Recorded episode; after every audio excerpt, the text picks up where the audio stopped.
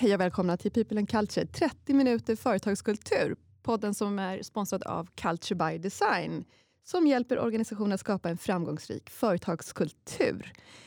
Angela är det här och med mig har jag Teresa. Och eh, den här gången så tänkte vi ta en eh, ny infallsvinkel på det här med företagskultur. För om det är någonting som påverkar eh, alla företag väldigt mycket, det är just det här med säljet. Eller hur Angela? Ja men verkligen. Och det här är ju någonting som eh, de flesta organisationer ehm, har i någon form eller behöver jobba med i någon form. Och det är lite speciellt ibland när man ska jobba med just att skapa säljkultur. Ja, och vi tänkte mer så att för att belysa det här ämnet på rätt sätt så måste vi ha in en expert på området. Så vi har bjudit in Jonas Olofsson på Advisor Partner. Välkommen hit! Tack så mycket.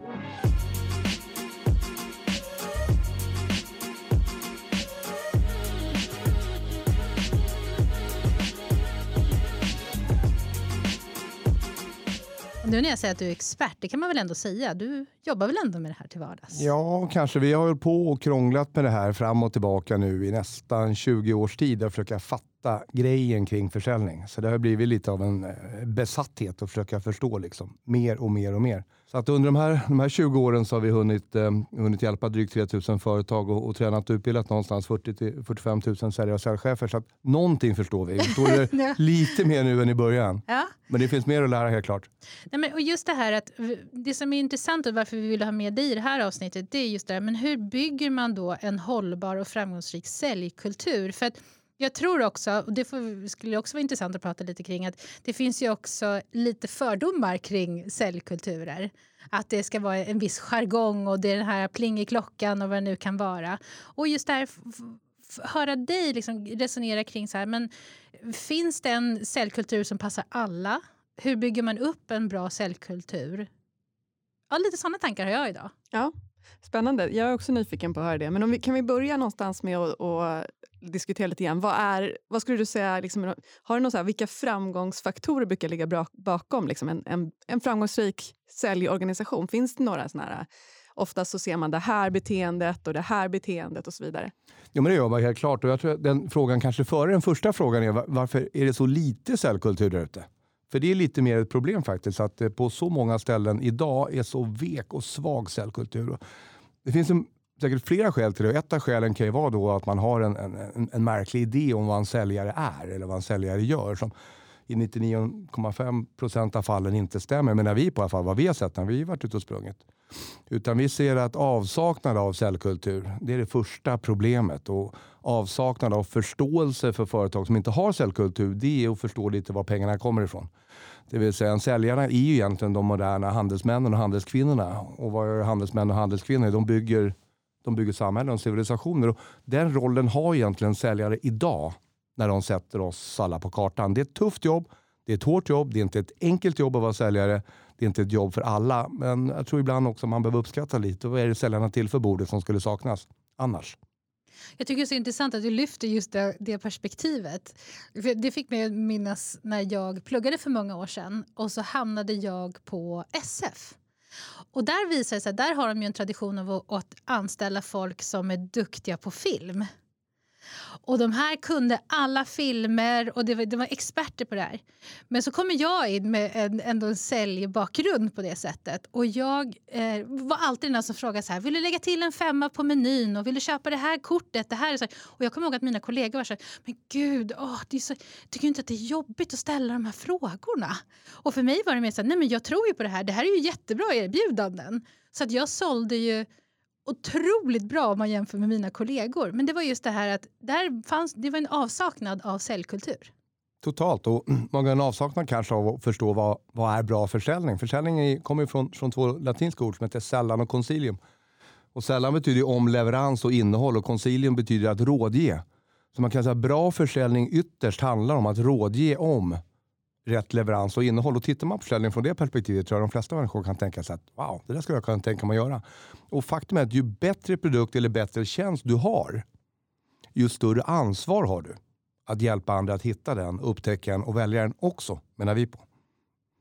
Så att, att bygga säljkultur, det är i grund och botten någonstans att skapa en positiv idé för att vilja hjälpa sina kunder att välja rätt saker. Och börjar man i den änden så, så kan man fråga sig varför är det så lite säljkultur ute? Precis, för då har man ju också lite som vi brukar prata om överlag när det gäller just företagskultur. Det är att, att få medarbetarna förstå vad har det för effekt? What's in it for them? Men också för dem man pratar med. För det kan även vara så att man ska sälja in till sina kollegor internt likväl. Men att förstå att det har ett syfte och vad är syftet då? Jag gillar ju också det, för att vi pratar ju om när man ska skapa kultur i någon form, eller liksom arbeta med kultur, så handlar det om att främja de beteenden man vill ha i sin kultur, egentligen att skapa förutsättningar för dem. Och då behöver man ju, precis som du säger, lite definiera och förstå vad, vad är våra säljare till för? Liksom, vad är det de egentligen ska göra? Vad handlar försäljning om? Så att vi sen kan då börja skapa liksom, förutsättningar för de här beteendena att komma till som vi vill. Verkligen. Och tittar man på, på ett bolags intäkter så kommer ju 100% från försäljningen. Så det är inte helt oviktigt i alla fall. Även om man säkert kan diskutera och, och ta strid för liksom, var kommer pengarna ifrån. Men det är viktigt. Och när vi satte oss in i, i ämnet säljkultur för att förstå det, för vi lärde oss det någonstans ganska tidigt. Antingen har du kulturen med eller emot det. Och har du kulturen emot ditt företag spelar ingen roll vilka planer och strategier och projekt du sätter igång. De kommer inte landa i alla fall speciellt bra. Och vi är ju såna extrema eh, ordnördar på Advisor Partners som alla vet som har jobbat med oss. Och när, vi, när vi kollade liksom, vad betyder ordet kultur, då, som kom från kultura, betyder odla. Så för oss var det liksom ganska mycket huvud på spiken. Det du odlar är det du senare får skörda. Och Det gäller kultur på bolaget, om det är så på säljavdelningen, eller kultur i samhället. Så kultur menar jag på ett, ett, ett underskattat ord ett underskattat och att förstå vad det faktiskt är. Du kan inte fylla det med vad som helst. För om du fyller ordet kultur med vad som helst så blir det ett ord som till slut inte betyder någonting. Så man behöver också vårda lite. Vad, vad, är det egentligen vi gör när vi jobbar med cellkultur? Mm. Finns det, kan ni som har jobbat med det här liksom börja se olika typer av cellkultur? Har ni liksom börjat kunna kartlägga på något sätt? Det här har vi sett är ganska vanligt. Eller det där. Vi brukar prata lite om att ha en positiv cellkultur. Och en mm. positiv cellkultur är egentligen att eh, från fundament uppåt göra rätt saker i rätt ordning. Och det betyder att vi har under åren samlat på oss en lista som heter 24 punkter till bra säljkultur som vi jobbar med våra kunder med. Vad den listan gör egentligen, det är en bruttolista där man kan titta och bara bocka av från 1 och ner till 24. Då. Vad skulle passa just på det här stället att föra in och använda sig av? För alla saker passar inte och inte tänkta att passa på alla företag heller. Utan någonstans måste man alltid möta företaget där de står. Det vill säga det kan bli för mycket och bli överväldigande och det kan bli för lite och inte göra någon större skillnad, då kan man nästan strunta i det. Det är ungefär som att ta fram värderingar, trycka det på kaffekoppar och tro att man har värderingar. Exakt. Då kan man nästan strunta i det tycker jag. Då sparar man sig tryckkostnaden på de här kopparna. Men det där tycker jag också var intressant för att ibland får vi förfrågan, eller förfrågan, vi får frågan ibland sådär, men vi kan inte jobba på det sättet som de gör där. Och att, att, man, att vissa företag känner att man har det kravet på sig. Och det, det jag gillar med det du säger det är att man kan ha olika typer av kulturer men att man också då, det är bra att ha någonting att utgå ifrån och förhålla sig till. Är man beredd att gå den här vägen? Är man beredd att initiera de här sakerna och så vidare? För då får man också väldigt mycket mer indikationer på är man redo överhuvudtaget för att göra det här. Ja, definitivt. Och det finns en utbredd feghetskultur just nu idag som, som man stöter på överallt där folk är rädda för att göra någonting för att bli, bli kritiserade. Som om det vore det värsta som kan hända. Och jag tror att eh, två emotioner som är bra att ha tillsammans när man ska göra saker som mixar väldigt bra ihop också. Det är att vara modig och rädd samtidigt. Det vill säga modig att ta steget samtidigt som det pirrar i magen. Det är ofta det som krävs. Och vad ser vi då kanske många gånger på mellanchefsnivå? En utbredd feghet att göra de sakerna som uppenbart är rätt att göra. För, för alltid någon, någon, någon stackare som blir kränkt. Så att jag tror att man behöver vara lite, lite, lite modigare i sina handlingar på många ställen om man vill ha resultat. Och klart, vill man ha nya resultat, tar in några som er till exempel, eller som oss för att få resultat och sen vågar man inte ta steget utan vill göra som man gjorde tidigare så är tipset ta inte in oss från första början. För det kommer göra noll skillnad om ni inte gör någonting annorlunda. Det är själva görandet magin sitter. Va, om, vi, om vi går till det, liksom det här, återigen backar till det som jag frågade tidigare. Finns det några eh, liksom, generella saker som ni ser? Vi pratar om att det finns lite olika kulturer och alla kanske inte kan göra exakt likadant. Men finns det något som, några saker som ni ser, så det här bör egentligen varje organisation som vill ha liksom, framgångsrik försäljning någonstans ha? Ja, det gör det. Tittar vi på, eh, eh, för att komma till din fråga om en liten stund, men vi menar på att kultur eh, står inte alena. Utan kultur, även om, om du sätter ordet sälj framför eller någonting annat, hänger, har två andra kompisar som det hänger ihop med. Det ena är då traditioner. Traditioner är viktigt. Traditioner är med och skapar kulturer. En del kallar det för, för riter eller ritualer. Men vi har valt att kalla det för traditioner. Det är återkommande saker som man vet kommer att hända. Det skapar en trygghet i systemet och, och hjälper till att stärka upp själva kulturen. Och sen har vi det, det, det, sista hörnet på det här då, som vi kallar för ord och uttryck. Det vill säga olika kulturer och olika sätt att uttrycka sig om olika saker. De här orden och uttrycken som man använder på en arbetsplats för specifika saker är också med och bygger kulturen. Så vi menar på att kultur, traditioner, ord och uttryck, de tre tillsammans bildar stolthet. Det vill säga att vara stolt över det man gör är första steget i all form av kultur. För om du inte kan vara stolt över din kultur, oavsett vilken, så lär du inte kunna göra speciellt bra i den. Så har du svårt att vara stolt över till exempel att vara säljare, ja, men då har du torskat spelet redan där. Ja, ja men det är, så, det är så sant verkligen. För det, är, det handlar ju också om att ha tillit till processen och tillit till de man arbetar för. för verkligen. Så det, det hänger ju verkligen ihop. Ja, och det är viktigt att vara stolt över det man gör, för annars så kommer du inte visa ditt bästa jag. Så nu för att komma till din, din fråga, Angela, du har frågat mig i alla fall tre gånger nu så jag kanske ska svara på. Men men tittar man på liksom eh, olika grunder i cellkultur kan man säga att den första, punkt ett, så utan den kan man säga, då funkar inte de andra, de andra 23 punkterna. Det är att ge positiv uppmärksamhet till all försäljning. Det vill säga, när någon säljer något så är vi glada och tacksamma för att någon väljer att vilja jobba med oss. Det är den första punkten i säljkultur. Och den kan man aldrig ta lätt på. Det är lätt att ta lätt på den när det går bra. Om man tycker att det bara kommer in beställningar. Och det, det var väl inget speciellt. Var någon. Nej, vi är supertacksamma för alla som väljer att vilja jobba med oss eller vårt företag. Det är synpunkt nummer ett i säljkultur. För det är inte självklart. Och Det är tufft där ute och få branscher är, eh, är det inte stenhård konkurrens i på något sätt.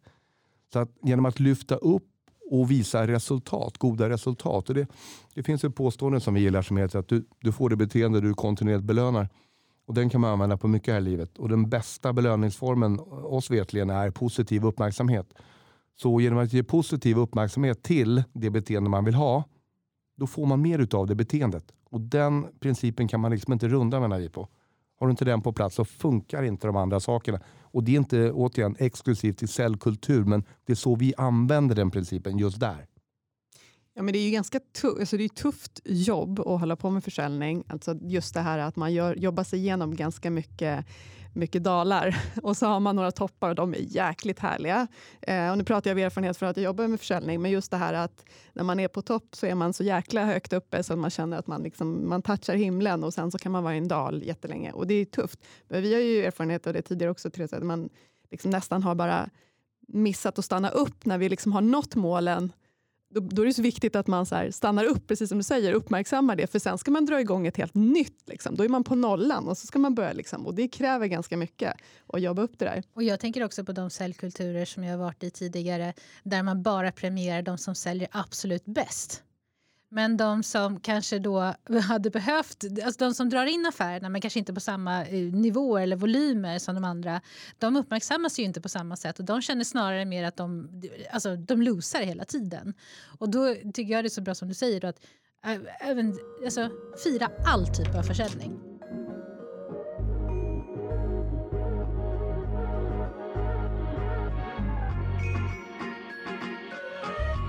Och det, då kommer vi tillbaka till ett av de här hörnen traditioner. Det är att man, att man firar sina segrar eller har högtider för det man gör och premierar det man gjort. Om man tittar på kultur överlag så är det ett återkommande tema att alla kulturer har sina högtider och sina traditioner man firar på olika sätt.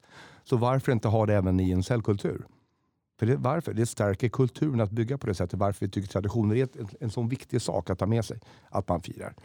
Och Det du nämner nu egentligen Teresa, det är också vikten av att spela rätt spel. Det vill säga när man, när man vinner mycket spel så vill man fortsätta spela spelet. Om man känner att man förlorar så vill man inte fortsätta spela spelet. Och där är ju försäljning fantastiskt. För det är ju det är byggt lite annorlunda än till exempel idrottens värld. För där måste ju någon förlora för att någon annan ska vinna. Men så är det inte i försäljning faktiskt. Där kan alla vinna på avdelningen om man sätter upp rätt spel. Och då kommer vi in på det här också, apropå att bygga bra säljkulturer. Vad anser du när det gäller det här? För det, det, Vi har haft ett tidigare eh, samtal kring det här med... Eh, det finns ju de som får bonusar som bara är på team och de som är på individ. Vad, hur ställer ni er till det här? För det kan ju också skapa kultur och traditioner och beteenden. Definitivt. Och... Ja, men det, det, den frågan är egentligen så, egentligen så knepig. Grupp, eh, och vi gillar i första hand provisioner och inte bonusar. ska lägga. Bara så att det är två, två lite olika saker. Vi gillar i första hand provisioner framför bonus och om det ska vara på grupp eller individ beror på hur man arbetar. Är det ett gruppspel där man tillsammans hjälps åt att ta in kunder, till exempel jag står i butiken och kommer in, in en kund, han går därifrån och dagen efter kommer han in och beställer av någon annan, ja, då är antagligen grupp, gruppprovisioner att föredra. Mycket försäljning är lite mer som friidrottslandslaget. Det att man samlas då och då och hämtar kraft av varandra. Sen kör alla sin, sin idrott eller sin sport på egen hand. I de lägena så är definitivt individuella provisioner att föredra. Men att provisioner är någonting positivt, det menar jag på. Det råder ingen tvekan om det. Om man då med kontext sätter upp dem rätt. Det vill säga man får det beteende man kontinuerligt belönar. Man måste då mäta på det typ av beteende man vill ha och inte någonting annat. Och Det ser vi är ett av de stora eh, utmaningarna, problemen för att inte prata som var eh, förra statsminister. Ett av de stora problemen är ju faktiskt att man sätter upp provisioner efter en typ av beteende men vill ha någon, ett annat beteende egentligen. Och sen undrar man varför folk inte gör som man säger. Har du något konkret exempel? Ja, man, man, kan, ha, eh, man kan till exempel ha provisioner som mäter på eh, omsättning fast bolaget egentligen vill ha lönsamhet. Och så tar man in affärer med mycket omsättning men med noll lönsamhet och så undrar man varför folk gör fel affärer. Så det, det finns många, många varianter på det här. Alternativt att man gör så komplicerade produktionssystem att ingen riktigt förstår hur produktionerna skapas. Vilket är kanske mer ett, ett, ett, problem bland stora amerikanska bolag. Men fortfarande återkommande som gör att aha, då kan man fråga sig lite vad ska ni då ha provisionerna till? För de matchar inte ens den första definitionen. Man får det beteende man kontinuerligt belönar. Vilket provisionen är en del att hjälpa till att skapa förutom positiv uppmärksamhet. Har, har, du tankar och synpunkter på liksom när i tiden provisionen ska, ska, ska falla ut? så att säga? Det finns ju mm. mycket här att det ska komma kort in på och att belönas snabbt. Har du några tankar kring det? När kunden har betalt pengar. Det vill säga vi betalar aldrig ut pengar för luft. Utan provisionen genereras vid tagen affär, order inlämnad och betalas ut vid kundens eh, inbetalning av pengar. Det är grundprincipen. Då får man rätt beteende. Det vill säga man genererar provisioner i takt med att man säljer. Och att sälja och fakturera är två olika saker. Jag är fascinerad faktiskt av hur, hur många säljavdelningar som mät, mäts på sin fakturering istället för sin försäljning, ordervärde in. Och fakturering är inte ens säljarens nyckeltal, det är ekonomiavdelningens nyckeltal. Och på något sätt, många ställen har de lyckats lura på säljarna sina nyckeltal så att de får stå för dem. Men det är inte rätt, utan ordervärde in, det vill säga affärer tagna, det är säljarens nyckeltal och det ska säljaren ytterst mätas på. Det är en stor fråga på många ställen. Ja, och ja, och mer eller mindre hopplöst att fixa till på en del ställen. Och Då får man spela bollen från där den ligger och gilla läget. Men det, är fortfarande, det skapar alltid vissa följdproblem i säljorganisationen när man, när man mäter på fel saker, såklart. Och du sa där, bara för att vi, vi gillar ju ändå liksom att få våra lyssnare att känna att de hänger med i alla termer och så. Du sa ja. det skillnad på bonus och provision. Kan ja. du inte bara definiera det för att man förstår? Ja. Bonus är eh, vanligtvis någonting som faller ut i slutet på ett år efter en gjord insats. Bonustänket. Provisioner genereras mer löpande under år från det man gör och betalas ut också mer löpande. Utmaningen med bonusar, ett så brukar de vara sämre definierade vad som ska ge en bonus. Det brukar bli mer en, eh, vad ska man säga, eh, en snygghetstävling kanske än en tävling i liksom vem har gjort någonting bra. Två, eftersom bonusar många gånger betalas ut per år. Jag förstår, att inte, jag förstår att alla inte gör det, men oftast är det i alla fall. Då får man en väldigt lång eh, tävlingsperiod. 12 månader är för lång, eh, vad som kallas för nödvändighetsnivå. Tävlingsperiod där spelet är igång. Och då blir det tyvärr många gånger att bonusen eh, antingen inte ger effekt för att vi redan uppnått det här, det vi skulle göra och det är typ bara september. Eller vi ligger för långt ifrån så därför kan i alla fall inte ge det fast det är kanske november och det ger inte heller någon effekt. Eller så råkar man tajma precis rätt på 12 månader att man lyckas. Så att vi menar på att eh, den så kallade nödvändighetsnivån som är en princip som säger att saker och ting sker när det måste ske men inte innan. Kan man istället ha per månad att mäta på så får man plötsligt 12 nöd nödvändighetsnivåer där man på, på ett år har en nödvändighetsnivå. Och Det som händer då det är att man producerar mer. Och det, det, är precis det vi brukar prata om också. Vi brukar prata om just när man ska förändra beteenden. Och då handlar det om att ge belöning omgående. Man ska inte vänta till det där eh, utvecklingssamtalet en gång om året. utan Det blir mer det att alltså får man den där uppmärksamheten, både klappen på axeln men också då eh, pengar i fickan för det man levererar så blir man ju mer benägen att göra mer av det. Definitivt. Och det, är, det är väl egentligen en av grunderna i, i coachning som är ett annat ämne som vi kanske inte ska prata om idag. Men en av grundprinciperna i coaching är att du coachar i matchen, inte efter den har slutat. Efter matchen har slutat kan du träna och utbilda, men du coachar i matchen och då kan du inte komma tre månader senare när det är färdigspelat. För det ger inte samma effekt om ens någon. Men om vi pratar lite, om vi stannar lite vid det då ändå, för även om inte det vi... Jag tänker vi kommer ändå in på lite på ledarskap. Det är ofrånkomligt när man pratar säljkultur att det ganska mycket hänger också på vilken typ av ledare man har. Eh, har du något att säga om det? kring vad, liksom, eh, Att vara liksom chef och leda en säljorganisation, vad, vad krävs? Det är ett stort jobb därför att det finns en sak som krävs mest av allt i hela, hela världen och, och det är förmågan att orka bry sig. Hur det går för sin avdelning och sin personal. Det, det är vår definition av en, av en ledare eller en säljchef som vi bara jobbar med säljchefer och, och säljledningar. Vi skulle kunna jobba med andra också, men det gör vi inte. Att orka bry sig är ett jobb i sig. För när man frågar folk, vilken var är din bästa chef du haft? Om du tänker efter, var den personen som du fick mest tid med? Var det personen som... Du vet, när man tittar på den frågan och letar tillbaka så blir svaret i princip alltid, det var den person som kände sig, brydde sig hur det gick för mig.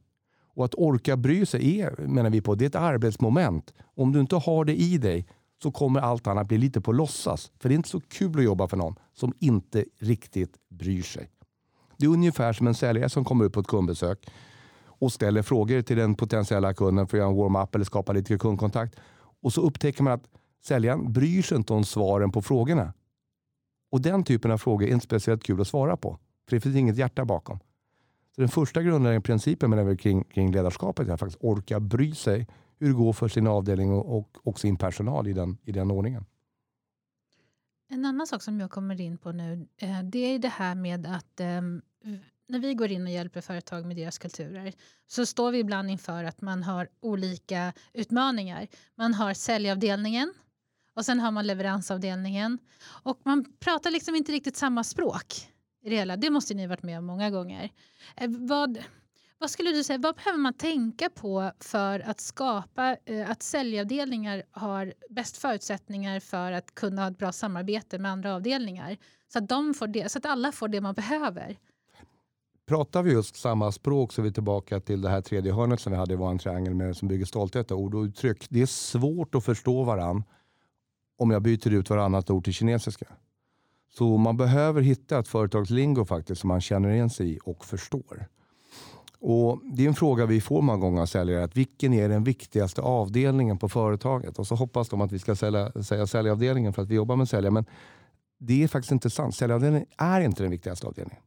Även om vi älskar försäljning. Den viktigaste avdelningen på, en avdelning, eh, på ett företag är alltid leveransavdelningen. För bra leverans och bra utförande kan på egen hand skapa försäljning och skapa egna pengar. Och Det betyder att de två är kompisar naturligtvis, sälj och leveransavdelningen. Och idealiskt sett så leder säljavdelningen leveransavdelningen. Det vill säga, det är de som måste sätta grunderna för hur mycket leveranskapacitet ska vi ha. Så är svaret ja, det beror på hur mycket vi säljer. För så fort det blir stopp i leveransen, ja, då slutar säljarna att sälja. Så att säljavdelningen bör, menar vi, på leda leveransavdelningen med förståelse för att det finns ingen viktigare avdelning och vi menar också på att alla andra avdelningars jobb inom situationstecken på ett företag är alltid att stötta leveransen. För utan bra leverans, då har man inget rättfärdiggörande på marknaden att göra. För i slutet av dagen handlar allt om att skapa nöjda kunder. Det här tycker jag är så nu tänkte jag svära, det är första gången. Jävla bra!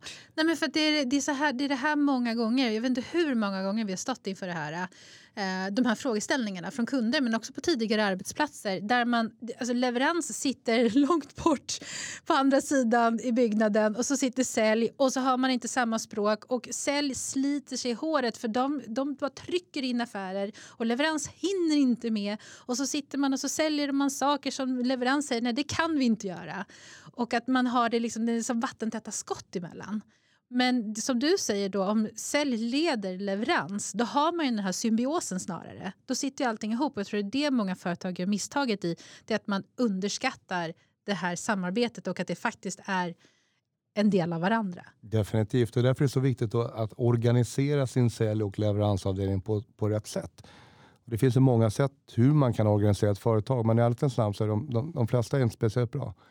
Utan det, man kan inte göra, eh, organisera sig hur som helst och hoppas att man får samma resultat. Och bara dela ut titlar till folk och tro att man har en organisation duger inte heller riktigt som vi ser på det. Och tittar vi på sälj och leveransavdelningen så har det är liksom två olika logiker som, som faller in där. Tittar vi på en säljavdelning så, så är ofta svaret om du, om du har jobb för tio säljare, anställ nio. För säljare mår bra när de får jogga lite mellan mötena är lite drag. Och då kan man alltid säga men det får inte vara för mycket att göra. Och, och det är inte det jag säger. Jag säger bara att säljare mår bra av att jogga lite mellan mötena. Och där är lite.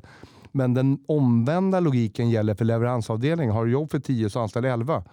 Därför i en leveransavdelning måste man alltid ha lite extra fläsk inbyggt i systemet. För går de på, på tänderna eller tårna, ja, då tar det stopp i resten av systemet. Och upptäcker man någon gång att de på leveransavdelningen, eller de utförarna eller vad man nu väljer att kalla dem, om de står och spelar pingis en timme på eftermiddagen tycker man har de inget bättre att göra så kan jag säga att det är ett ganska bra tecken.